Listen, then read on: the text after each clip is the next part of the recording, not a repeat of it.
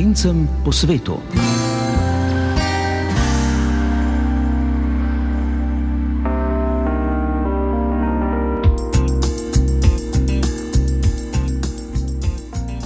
Lepo pozdravljeni, dragi prijatelji naše oddaje, tako v tujini kot doma.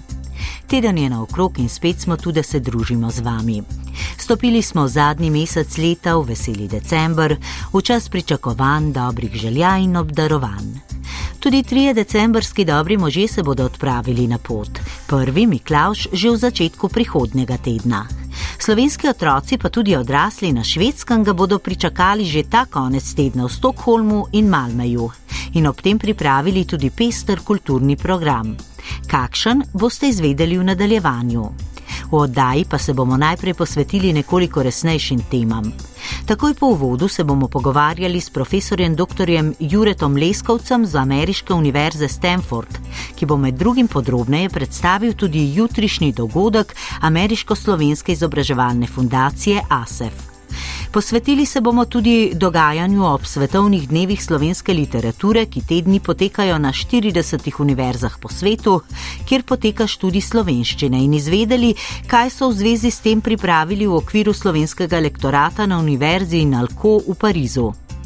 Slišali pa boste tudi zgodbo mlade doktorice veterinarskih znanosti Nine Milevoj, ki je na specializaciji na škotskem. Oddaja bo tudi tokrat prepletena s slovensko glasbo po izboru glasbenega urednika Janeta Webra, skozi oddajo pa vas bom popeljala Lili Brunec.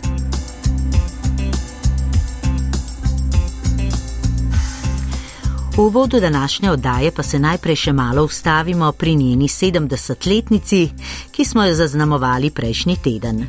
Tudi dr. Jure Leskovec, profesor na sloviti Ameriški univerzi Stanford in soustanovitelj Ameriško-slovenske izobraževalne fundacije, se je vedno pripravljen odzvati na naše radijsko povabilo. V pogovoru z mojco Delač je najprej delil nekaj misli o tem, beseda pa je med drugim tekla tudi o jutrišnjem spletnem dogodku ASEF-a, o katerem lahko vse podrobnosti o udeležbi in podpori najdete na spletni strani asef.net. Profesor dr. Jure Leskovec, najprej lahko rečem dobrodošli doma. Um, ja, dober dan uh, ali pa dober večer in uh, hvala za vabilo v vašo oddajo. Pravzaprav bova za trenutek na začetku še postala ob 70-letnici oddaje Slovencem po svetu, ki smo jo obeleževali pred tednom dni, pa seveda takšne jubileje človek še kar slavi. Kako sami kot mlad človek, ki je šel po svetu in potem ustvaril tudi mrežo povezovanj slovencev čez lužo, gledate na pomen radija kot javnega medija in vlogo tudi oddaje Slovencem po svetu potem? Um, ja, jaz bi vam res uh, iz srca čestital ob uh, tej uh, visoki uh, obletnici in tem uh, jubileju. To je res izjemno, da, da ima oddaja uh, tako tradicijo, kar tudi pomeni, da ima tako poslušanost in da je, kako bi rekel, kljub uh, starosti ta tematika še vedno tako zelo pomembna, da najde mesto um, na tako poslušanem mediju, kot je nacionalni, uh, nacionalni radio. Tako da Jaz mislim, da je uh, vaša oddaja uh, zelo pomembna, um, zelo aktualna in, in da delate, delate odlično delo. Najlepša hvala za vaše misli in seveda želje v imenu ekipe. Vas smem poprašati, profesor Leskovec, kako pogosto pa vi vtegnete poslušati radio ali pa podkaste ali pa glasbo? Ja, jaz uh, radio rad poslušam, predvsem, predvsem v, v avtu.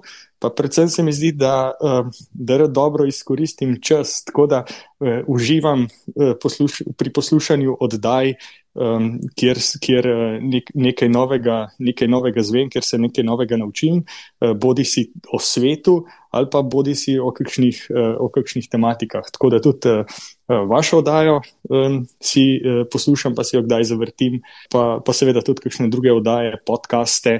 V Združenih državah imamo radio, ki mu rečejo NPR, se pravi National Public Radio, kar je nacionalni radio, ampak je zelo zanimiv, zato ker je izjemno pogovoren in tako rekoč ni, ni glasbe, ampak so samo pogovorne oddaje, novice, okrogle mize. In, in na ta način, kadarkoli se človek priklopi nekaj novega, zanimivega zve. No, mi pa se bova zdaj pravzaprav, glede na to, da smo začeli zadnji mesec v letošnjem letu, ustavila pred jutrišnjim dogodkom, ki ga znotraj ASEF-a pripravljate, da nekako s pentljo povežete leto 2022 in se ozrete nazaj. Nam lahko poveste, zakaj grem, kakšno druženje bo to in kako bo potekalo? Um, ja, e, se pravi, jutri e, v soboto zvečer ob e, sedmih zvečer po Eh, slovenskem ali pa srednjeevropskem času, to pomeni ob enih popovdne po času, ki je na vzhodnji obali Združenih držav in, in uh, ob desetih dopovdne po času na Pacifika, se pravi uh, zahodne, zahodne obale Združenih držav, prirejamo ASEF-ovo praznovanje leta 2022. Se pravi, um, ASEF kot uh, neprofitna organizacija, ki združuje Eh, Slovence po svetu in hkrati mladim v Sloveniji preko svojih štipendijskih programov daje dostop do znanj, ki v Sloveniji ne obstajajo in jim na ta način odpira vrata v svet, je se spoprijel zelo, zelo dobro z eh, nastalo, kako bi rekel, novo realnostjo eh, COVID-a. Um, veliko dogodkov sedaj prenašamo v živo preko spleta, virtualno in tudi uh, jutrišnji dogodek bomo prenašali v živo iz, uh, preko spleta iz uh, studia, mislim, da v Komendi. In um, na ta način se povezali s Slovenci um, po celem svetu. Um, praznovali bomo pa predvsem, kako bi rekel, dosežke naših mladih uh, Slovencev po svetu, um, predstavili programe, aktivnosti, ki smo jih izvajali v iztekajočem se letu. Nagovorili nas bodo uh, visoki, visoki gostje, od ministra za izobraževanje, ministra za slovence po svetu in še, in še mnogih drugih. Uh, tako da se zelo veselimo tega dogodka in upamo, da se nam bo kdo od vaših poslušalcev tudi pridružil. Profesor dr. Jure Leskovec, omenili ste tudi, da bodo na dogodku prisotni visoki gostje, med njimi tudi ministr za slovence v zamestvu in po svetu, Mateja Čon, s katerim pa sta se srečala na uradu za slovence v zamestvu in po svetu v sredo. Lahko kakšno besedo o tem srečanju? Um, ja, um, res je, smo se uh, srečali z ministrom in vodstvom uh, urada za slovence po svetu. S, smo zelo kako bi rekel, veseli in hvaležni, da z uradom uh, že dolgo, uh, dolgo let zelo delo, dobro sodelujemo in smo v takem dobrem, aktivnem uh, partnerskem odnosu. Uh, smo tudi zelo veseli, da je urad uh, prepoznal pomembnost aktivnosti, ki jih delamo. Um, ena izmed mogoče pomembnih tem, ki bi jo izpostavil, je, da je uh, ASEF v zadnjih dveh letih naredil veliko um, strokovno znanstveno študijo, uh, novodobnih izseljencev eh, po svetu. Eh, smo z intervjujali in um, naredili vprašalnik s preko 2000 uh, odgovori. In kar je mogoče pomembno, uh, pomembno ugotovitev tega, je, da si 65% slovencev, uh, ki, živi, ki živijo po svetu, želi ali v Slovenijo aktivno vrniti, ali pa um, z njo aktivno sodelovati. Tako da vidimo, da je ta, kako bi rekel, problematika izseljenstva ni samo problematika ohranjanja stika, ohranjanja jezika in, in kulture, navad, ampak je predvsem problematika eh, kroženja znanja in je, ali pa nekega, nekega kroženja ljudi, in da je tukaj ogromna in velika priložnost narediti več za vračanje slovencev po svetu, da olajšamo ljudem, ki gredo na neko izkušnjo, um, na študij, na neko poklicni izziv v svet, da jim potem, ne, in seveda, da jim potem olajšamo tudi uh, vrnitev v Slovenijo in integracijo nazaj v to lokalno okolje. Kar je, bi rekel, mogoče malo težje, kot si mogoče predstavljamo, če nismo sami šli čez to izkušnjo. Mhm, je mogoče padla tudi že kakšna čisto konkretna pobuda ali pa ideja, kako izkoristiti to pripravljenost 65 odstotkov in kaj ponuditi? Uh, ja, na, na ASEF-u smo v, te, v, de, v delu te raziskave tudi uh, preštudirali, uh, kako bi rekel, politike in aktivnosti uh, 28 uh, držav po svetu, kako se lotevajo nagovarjanja svoje migracije v tujini in kako se lotevajo potem sodelovanja s, s, te, s temi ljudmi ali preko poslovnih vezi, poslovnega, eh, kako rekel, čisto na poslovnem nivoju ali pa na nivoju eh, vračanja, in um, na podlagi tega tudi um, pripravljamo en sklop aktivnosti, ki mislimo, da bi res pomagale pri tem uh, pomembnem, pomembnem vprašanju um, za, za, za Slovenijo. Profesor dr. Jure Leskovec, najlepša hvala za te minute gostovanja v oddaji Slovencem po svetu, v kateri bomo z veseljem vse skozi spremljali um, tudi takšne raziskave, tudi takšne pobude in uh, tudi rešitve, um, ki se ob tem pojavljajo, da bo to kroženje možganov um, še bolj učinkovito, um, kot ste tudi sami dejali in ga izpostavili. Jaz pa si lahko samo ob koncu zaželim, da bom tudi radijom, uh, kot sem uh, s tem začela, imel pri tem vlogo in da se bomo um, še um, tako redno in uh, slišali v naši oddaji. In hvala vam za vse odzive vanjo in da ste vsakeč znova pripravljeni, da delite z nami svoj svet, raziskovanje in pa seveda izkušnje življenja slovenca po svetu.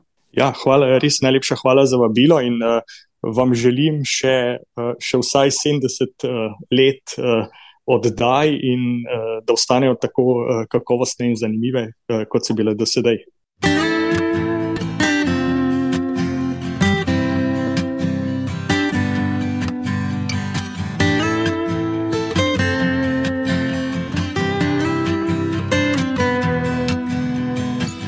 Pravijo ti, da ne moreš in da se ne da skočiti čez reko, kjer ni mosta zidanega.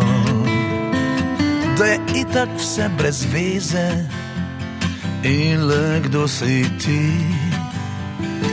Kaj pa moraš, takle imamo in podobne stvari. Da, da, da, da,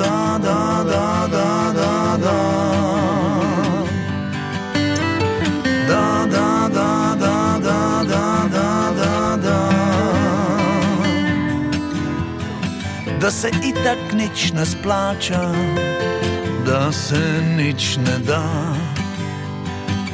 In da so vsi isti slabi in za vraga. Eden sam, da nič ne more, naraje vse pusti.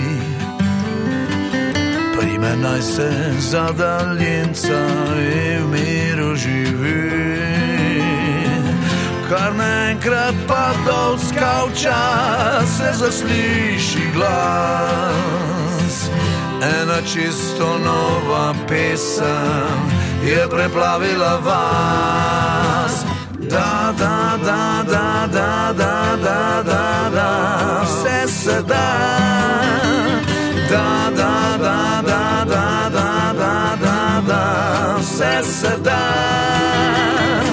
vsak od nas je kaplja v morju, manjša kot vsi. Če bili bi vsi puščavo, napojili bi. Vsak od nas zvezda na nebu, manjša kot vsi. Če bili bi vsi tam in mrak pregnali bi kar naenkrat pa od šanka se zasliši glas. Ena čisto nova pesem je preplavila vas.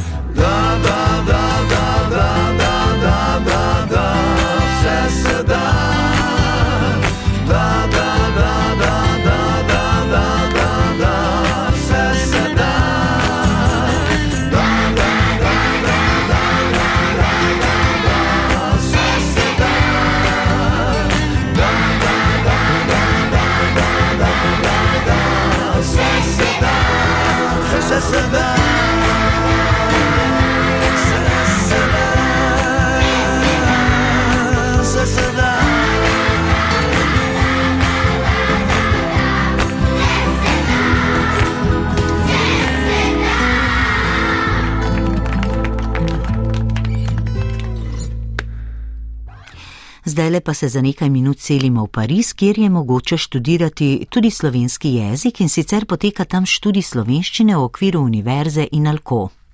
Lektorica slovenskega jezika na Inalku je že nekaj let Petra Sejtel, ki se je letos še posebej posvetila dogajanju ob svetovnih dnevih slovenske literature, ki prav v teh dneh potekajo v organizaciji Centra za slovenščino in učiteljev slovenskega jezika po svetu na 40 univerzah v tujini, kjer je mogoč študij slovenskega jezika.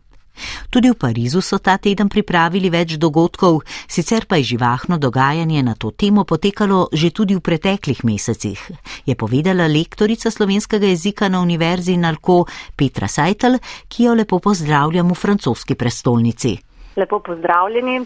Torej, svetovni dnevi slovenske literature potekajo prav ta teden. Na Univerzi Nalko v Parizu pa je v duhu tega projekta že vse prvi semester. Eh, s kolegico, docentko dr. Kajo Dolar, ki je na Nalko predstojnica katedre za slovenistiko, sva pripravili kar nekaj dogodkov.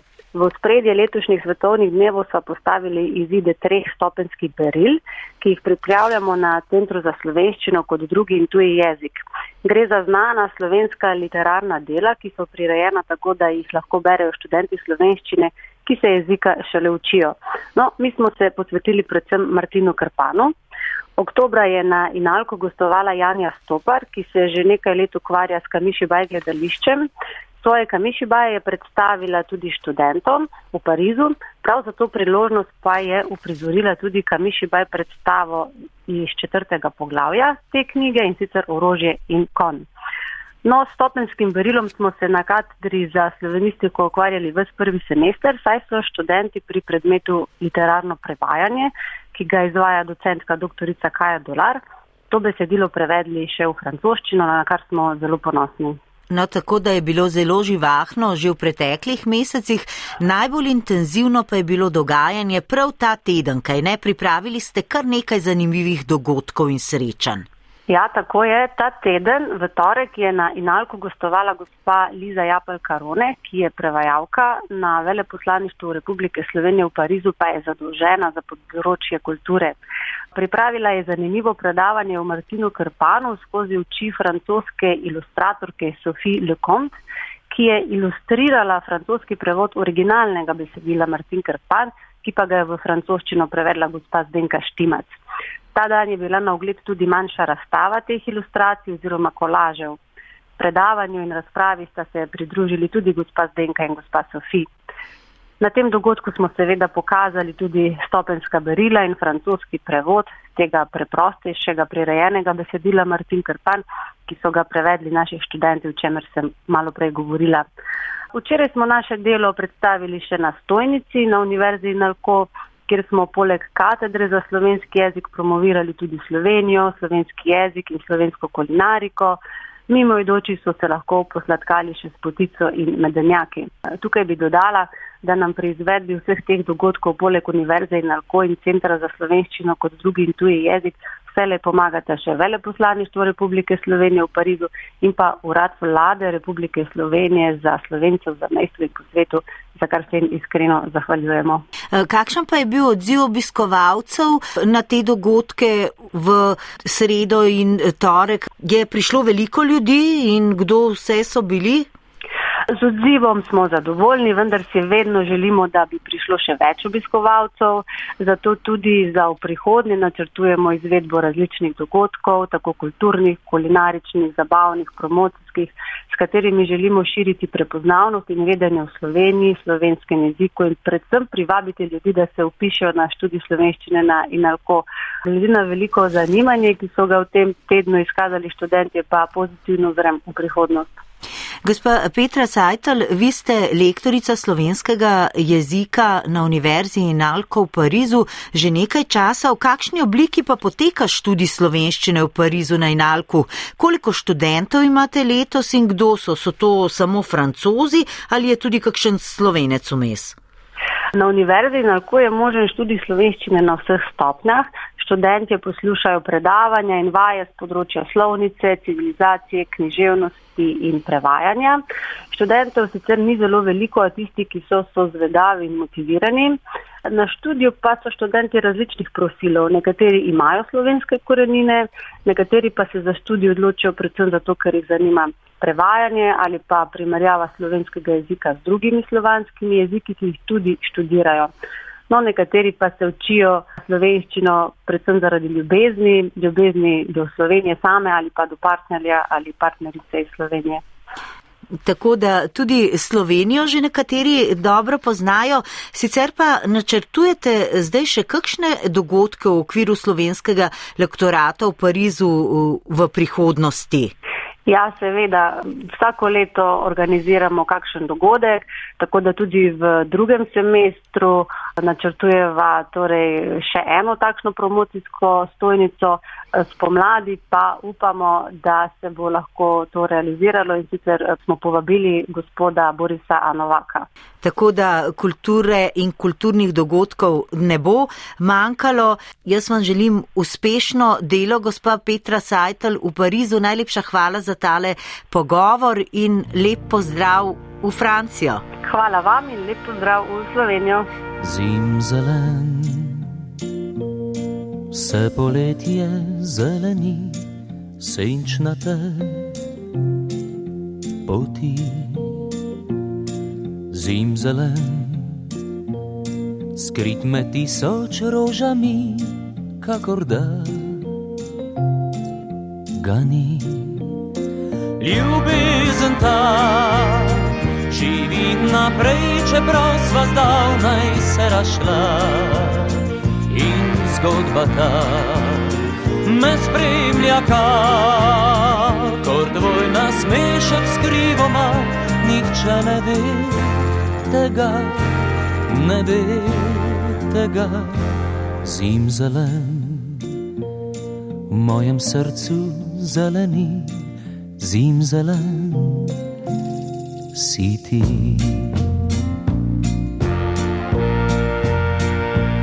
Zim zelen, še po zimi zeleni, lepši kot sneži.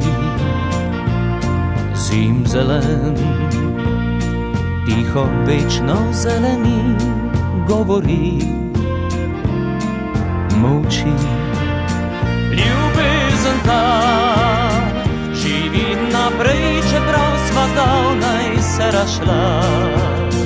In zgodba ta me spremlja, kakor tvoj nasmešek skrivoma, nihče ne ve tega, ne ve tega. Zim zelen, v mojem srcu zeleni, zim zelen. Si ti ljubezen ta, živi naprej, čeprav sva zdavnaj se rašla. In zgodba ta me spremlja, kakor tvoj nasmešek skrivoma, nihče ne ve tega, ne ve tega, zim zelen. Mojem srcu zeleni zim zelen, si ti.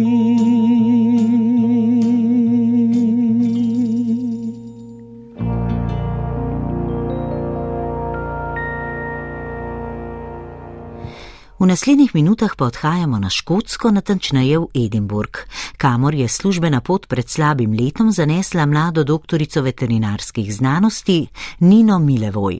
V okviru Edinburške univerze opravlja specializacijo svojega delovnega področja in v tem času se je že do dobra navadila na Škotsko in jo tudi že kar precej raziskala. Ljubljančanka Nina Milevoj se sicer nekoliko težje prilagaja le na tamkajšnje muhasto vreme, zato je pogovor stekel kar na to temo. En lep pozdrav iz začuda sončnega Edinburga. Tule pri nas se tudi zadnje dni že kar kaže zima, so tam stopinje okrog ničle, kar je pa res čudnega je pa to, da zadnje štiri dni niti mal ni deževalo, da imamo res sončne dneve, tako da kar uživamo. Vse je pa tule zdaj že kar so se začeli praznični sejmi, vse je že kar lepo božično okrašeno, tako da a, moram reči, da je že kar tako lepo praznično vzdušje. Vas je pravzaprav v Edinburg pripeljala službena oziroma izobraževalna pot, kaj ne? Ja, res je. Zdaj jaz trenutno tule upravljam specializacijo iz veterinarske onkologije, se pravi uh, vede o raku uh, psih in mačkah. Ja, zato sem se preselila in tule sem že dobrih 8 mesecev. Eh, pa sicer, eh, kje opravljate to delo? Tule na univerzi v Edinburgu, na njihovi kliniki za male živali. No, Edinburška univerza je prestižna univerza z več stoletno tradicijo, stara že več kot 400 let. Eh, kako pa je delati na tej univerzi? Kakšno je vaše delo? Kako izgleda vaš delovni dan na univerzi? Ja, jaz moram reči, da v splošnem sem tule z delom zelo, zelo zadovoljna zelo je, um, rekla, razgibano, tule tudi delajo ljudje iz celega sveta. Moj dan pa načeloma zgleda tako, da ko sem v ambulanti, zjutraj na našem oddelku, zdaj vse skup na kliniki je zaposleno tam okrog 300 ljudi, na našem oddelku za onkologijo nas je tam približno 10 12. Začnemo z jutranjo vizito. Vse skozi nas v bistvu tudi pri delu spremljajo študenti, zaradi tega, ker naša glavna naloga je v bistvu ne samo zdraviti živali, ampak tudi izobraževati do diplomske študente. Um, začnemo z vizito, tako da si malo razporedimo, kako bo izgledal naš dan, potem pa na dan tam pregledamo vsak po šest, sedem pacijentov se vse skozi tudi posvetujemo študenti in pa z našimi nadrejenimi. In samo delo v bistvu poteka tam od devetih pa pogosto tam do šestih, sedmih zvečer, tako da so delovni dnevi tule kar mal daljši, kot smo jih vajeni v Sloveniji, ampak če je delo fino, je potem tudi lažje to preživeti. No, kar dolg delovni dan, pravijo sicer, da je tudi angliščina na škotskem kar malo drugačna kot v Angliji z močnim škotskim naglasom. Ste se ji vi že privadili tudi na delovnem mestu? Ja, moram reči, da na začetku sem imela kar mal težav, sploh naprimer, ko sem mogla s kakšnim škotom, predvsem tem, če prihajajo bolj iz severa, iz kakšnih vasic, ko sem mogla s kakšnim škotom govoriti po telefonu, sem imela včasih kar mal težav. Moram reči, da sem se jih pa zdaj že kar navadila. No. Sicer še vedno, če imajo res tak močen naglas, včasih vprašam, še, če lahko ponovijo, ampak načeloma s tem več nimam težav.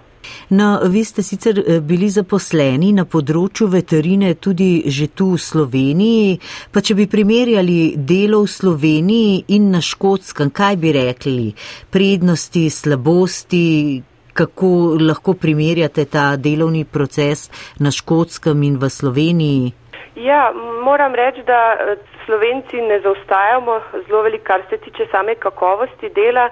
Kar je mogoče glavna razlika je ta, da so večinoma psi in mačke tule na škotskem zavarovani, tako da si lahko praktično tako lastniki kot mi kot veterinari lahko privoščimo vse možne vrste, tudi večinoma predvsej dražjih vrst zdravljenja, tako kot naprimer na mojem področju sta kemoterapija, predvsem pa obsevanje, ki je predvsej drago.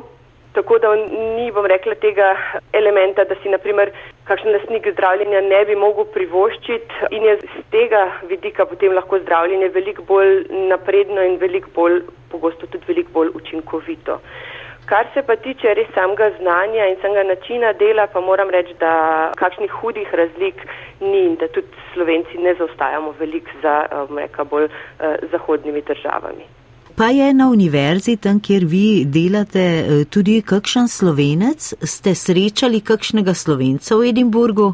Ja, moram reči, že na začetku sem spoznala tule kolegico Špelo, ki dela pri nas na faksu v lekarni, ona je farmacevtka.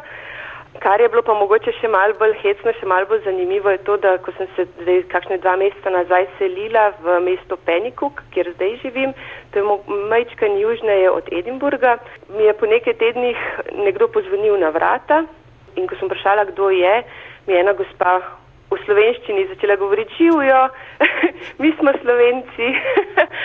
In takrat sem ugotovila, da sta moja dva soseda v istem nadstropju v bloku tudi slovenca. Uh, tako da moram reči, da, da se mi zdi to prav fajn, da imamo eno tako manjše združenje in tudi sicer je v Edinburgu, mislim, da več kot 50 slovencev, ki se tudi redno dobivajo na razno raznih dogodkih od dneva državnosti, tudi ko pride mogoče kak slovenec nastopati, zdaj nedolg nazaj je bil tule vlado Kreslin in se potem tudi redno dobivajo in zdržujejo stike tako da se sliši tudi slovenska domača beseda. Ne?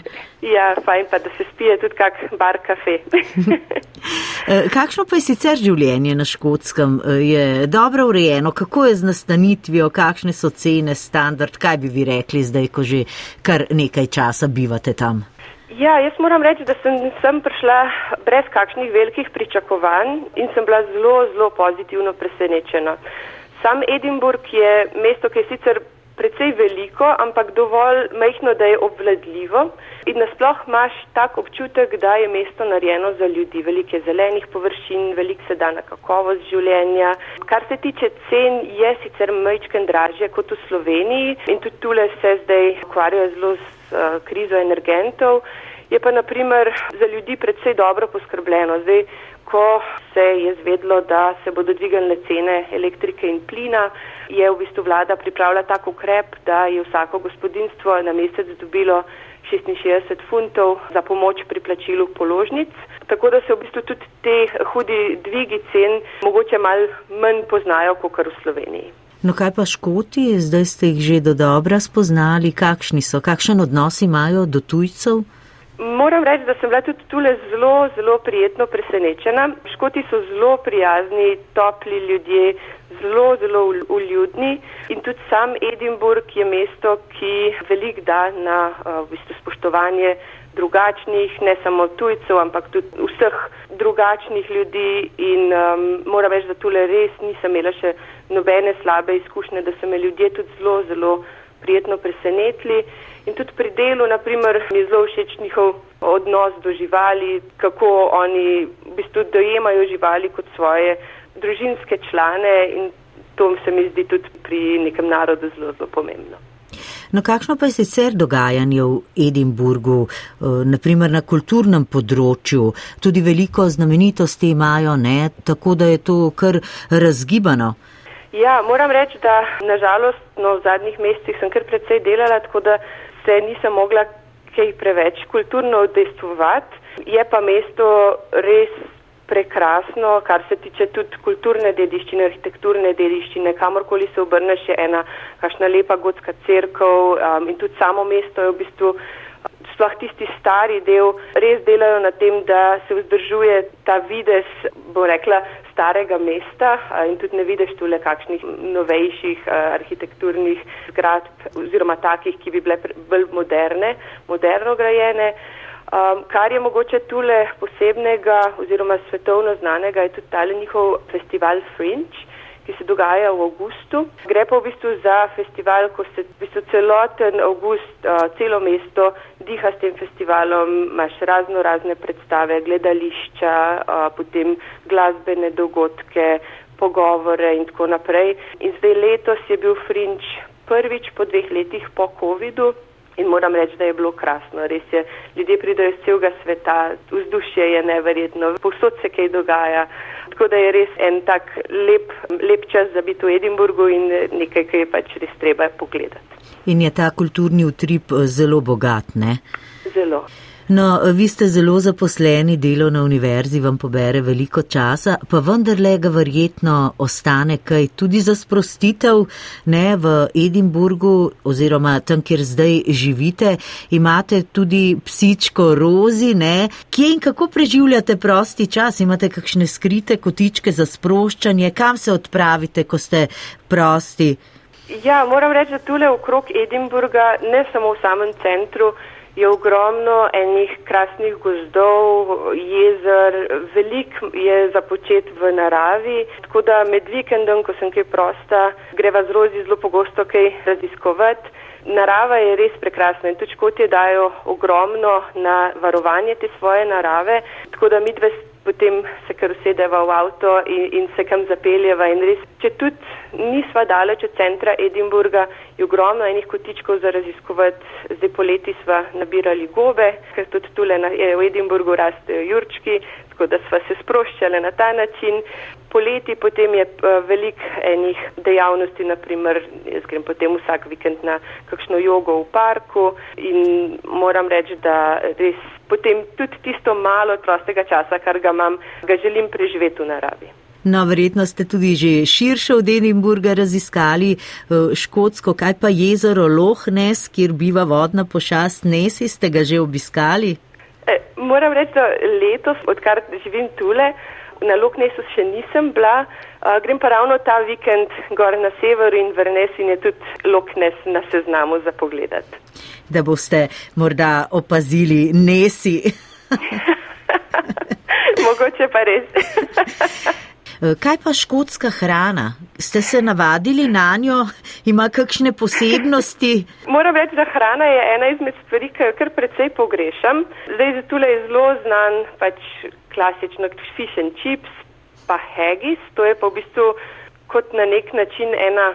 Podobno kot krvavica v Sloveniji, ampak tega tudi, če nisem probala, me nekako ne mika. Kar sem mogoče res tule opazila je, da verjetno zaradi samega pomankanja časa ljudje kar precej pripravljenih stvari jejo, česar od doma res mi nismo toliko navajeni. Ne. Tu prideš v trgovino in naprimer je tretjina trgovine že pripravljenih obrokov in tudi načeloma sama kakovost hrane se mogoče res ne more primerjati s to, kar imamo v Sloveniji. No pa pogrešate kaj Slovenijo nasplošno, kaj eh, slovenskega še poleg hrane? Ja, zdaj pogrešam seveda družino, prijatelje, ampak na srečo imam kar precej dopusta, pa potem vsake dva, tri mesece pridem domov, da se naužijem vseh domačih in tudi domače hrane, ampak načeloma razen mogoče mečken več sonca, mi tule kaj dosti tudi ne manjka. Doktorica Nina Milevoj, hvala za prisrčen pogovor, lepo se imajte na škotskem in eh, lep pozdrav iz Ljubljane. Hvala in lep pozdrav v Ljubljano tudi nazaj. Temna je cesta, od tu do nje, ki bo zaspala, noben ne ve.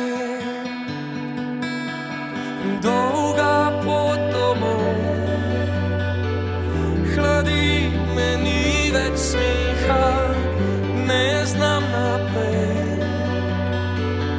Povej mi, s kom si lepa, na prsih so skale, obimam le ostale,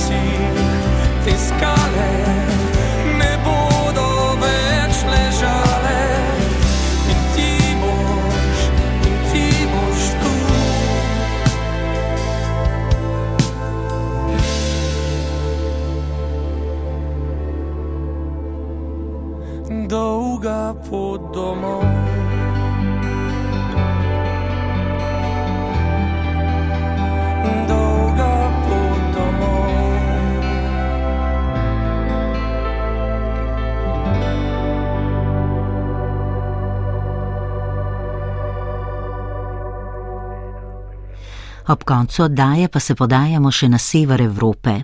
Tja je že prišla zima, počasi se tja odpravlja tudi Miklauš, ki se bo z otroki pa tudi odraslimi srečal že ta konec tedna v Stokholmu in Malmeju na švedskem. Slovensko društvo Orfeum mu skupaj z otroki pripravlja dobrodošlico z veselim glasbeno obarvanim programom. Predstavnica društva Orfeum, glasbenica in učiteljica slovenskega dopolnilnega pouka Dani Stražar nam je zaupala, kako bodo Miklauža v Stokholmu in Malmeju pričakali, najprej pa ali je vzdušje na švedskem že kaj zimsko. Prejšnji teden je padalo precej, moram reči, da se v Stokholmu je, je že precej izginil sneg, ob obrobju ga je pa še kar nekaj. No. Ni več čist, čist popolnoma zimski občutek, kot je bil pač, ko je snežilo. No, ampak eh, zdaj v tem času se Miklauš že počasi odpravlja na pot k vam in pri vas na švedskem se pripravljate na njegov prihod. Pričakali ga boste v Stokholmu in v Malmeju. Kaj pripravljate ob tej priložnosti? Kakšen bo program? Kako ga boste pričakali? Torej v Stokholmu smo povabili naše člane in potem tudi splošno je bilo odprto za kogarkoli, tudi ste klinto člani domenih društv, tudi slovenskega društva, pa našega Orfeju. Imeli bomo v dvorani na eni šoli, kjer drugače tudi izvajamo slovenski dopolnilni pouk. V programu bodo nastopili učenci slovenskega dopolnilnega pouka iz Jevla in iz Stokholma. V Stokholmu so predvsej mlajši, medtem ko pa bo malo za glasbeni del bodo poskrbeli učenci iz Jevleja. Pa potem bomo tudi mi skupaj kaj zapeli s temi učenci v Stokholmu. Je pa, kot rečeno, presej otrok prijavljenih, tako da trenutno računamo, da bo okrog 26, pa tudi staršev, kar pomeni, da bo zelo lepo srečanje. Obiskovni bo pa seveda tudi Miklaš in bo se bo z njimi pogovoril lepo malo in razdelil derila. Tokrat bodo dobili knjige slovenske, kar se mi zdi, da je zelo primirno. V Malmeju bo pa to po slovenski maši v, v nedeljo. In tokrat nam bo tudi um, slovensko veleposlaništvo iz Kopenhagna malo sodelovalo oziroma nam pomagalo. Pri pripravi bo pa program podoben oziroma bodo tudi malo nastopili učenci slovenskega dopolnilnega pouka, pa še kaj bomo zagrali in zapeli, seveda. No, glasba bo torej odmevala v Stokholmu in Malmaju in prinesla praznično vzdušje. Boste popestrili dogajanje tudi s kakšno zakusko, sladkarijami, boste morda tudi Absolutno. kaj zaplesali? No, prav plesali verjetno ne bomo, ampak ja, načeloma imamo namen, sploh v Malmaju, kjer je bolj sedečega možno za sedenje, bomo imeli zakusko, malo daljše morda v Stokholmu, pa tudi seveda malo pesiva, malo soka, da se malo poklepetajo, spoznajo, da se spoznamo, tudi nekatere jo še nisem srečala prej, tako da bo prav uh, prijetno. Ma krajše, ampak bo pa prijetno. Pričakujete veliko otrok? Ja, v Stokholmu načeloma je bilo prijavljenih okrog 25, 26, v Miami je skoraj 22, kar pomeni, da je kar lepa številka. Da je seveda, če kdo ne zboli in tako naprej, ampak tudi če bo zbolel, bo potem darilo dobil pozneje. Drugače pa ja, moram reči, da sem kar presenečena na to številko, ja, tako da se zelo veselim te sobote in nedelje. So to učenci slovenskega dopolnilnega pouka? Večinoma slovenski dopolnilni pouk obiskuje predvsej manj otrok, tega bodo pa tudi seveda vsi zraven. V Stokholmu je mal manjša skupina v Kopenhagnu je pa malo več, bodo tudi iz Kopenhagna prišli v Malma, no, na kateri, kolikoli bomo uspelo. Ker v Malmaju bodo sodelovali učenci slovenskega dopolnilnega pouka iz Kopenhagna in tisti, ki obiskujejo slovenske urice v, v Malmaju tudi, to pa posebej malo drugače, tako da bomo malo združili. Načeloma po Stokholmu, bom rekla, velika večina ne obiskuje slovenskega dopolnilnega pouka, Zdaj, večina otrok, ki bo pač prisotna v sobota. Ampak morda jih bomo pa navdušili, ko bomo kaj resetirali in bodo videli, da se imamo milušno, pa morda bodo starši se malo pogovorili med seboj, pa, pa potem lažje se odločiti za morda nadaljevanje ali obiskovanje v naslednjem polletju ali naslednjem šolskem letu. No, verjetno bo res tako. Sicer pa v kulturnem programu oziroma v glasbenem programu pa bodo sodelovali učenci slovenskega slovenskega dopolnilnega pouka, kaj ne? Kakšen pa bo glasbeni program? Katere pesmi boste zaigrali, predstavili? Torej, ja, v samem programu bodo recitirali eno ali dve pesmici, pa kot recitacijo, potem smo pa se pripravljali s pesmico Miklauš ima zivo glavok še poznala. Jaz se še prej poznala in sem prav Miklauževa pesnica, potem pa um, verjetno bomo z vsemi v dvorani poskušali zapeti mi se imamo radi, pa Miklauževa imamo radi, pa potem verjetno kakšne zima je prišla. Potem v Stokholmu bo še dva učenca, bo se pa še zaigrala malo. Ne, Vilina mama jih bo spremljala, Urša Donevje, pa on bo se pa Max in Filip bo se pa zaigrala. Ko da bomo malo še nadgradili, bo malo bolj, bom rekla, glasbeno. Medtem ko v Malmö bo pa ena deklica, ki se uči kitaro, tudi zaigrala za četom nekaj in tudi zapeli bomo, ker smo vadili podobne pesmice oziroma enake pesmici, pa še dodajamo kaj histo, kar poznajo. Pa poskušali bomo še zdravem, da bodo pritegnili tudi odrasli da potem vsi zapojemo.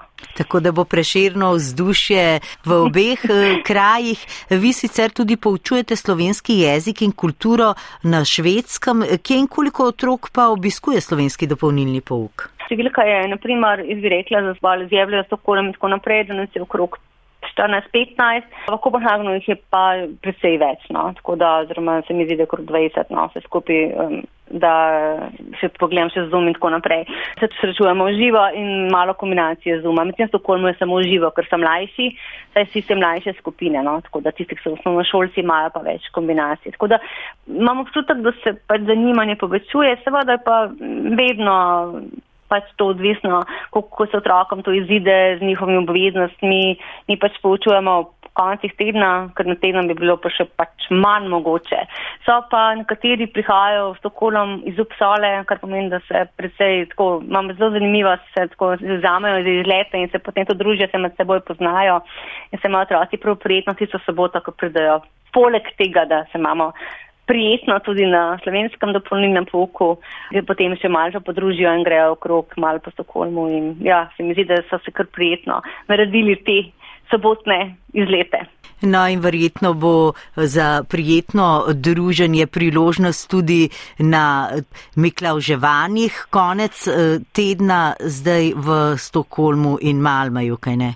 Absolutno, ja. Poleg tega pa je to pač priložnost za tiste, ki, nas, ki ne poznajo uh, tega dela oziroma slovenskega dopolnilnega pouka ali pač morda se še oklevajo, bi se obiskovali ali ne bi, je tudi možnost, da bodo pač poznali in seboj malo povedali in tudi videli, da pač pravzaprav nekaj naredimo, ne lahko skupaj in da, ja, da se malo trati prijetno. Nekoč pisala sem Miklaužu, potem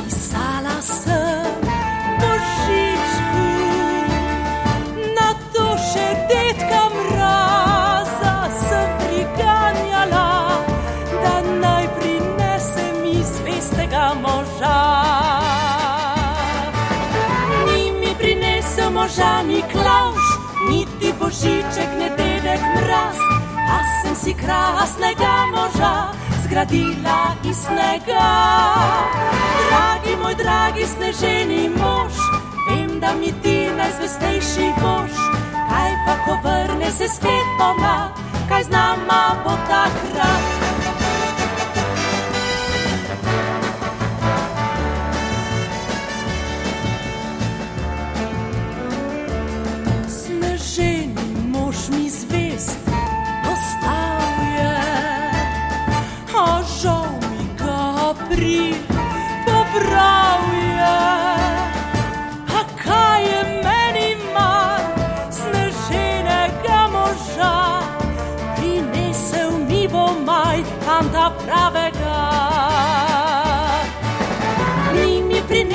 Moža mi klauš, niti božiček, ne dedek mraz, a sem si krasnega moža zgradila iz snega.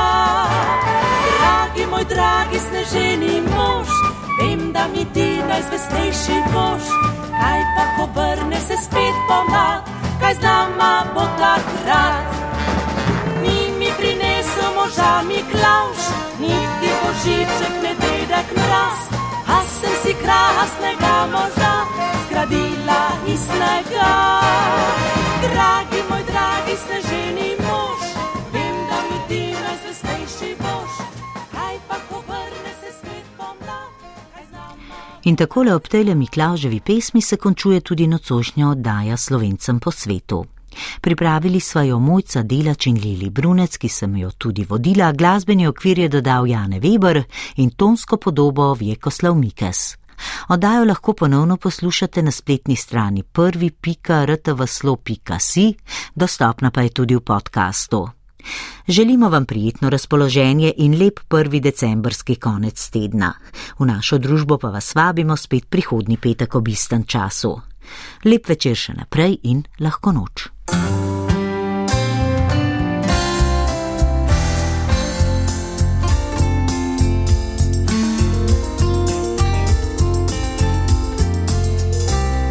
Slovencem po svetu.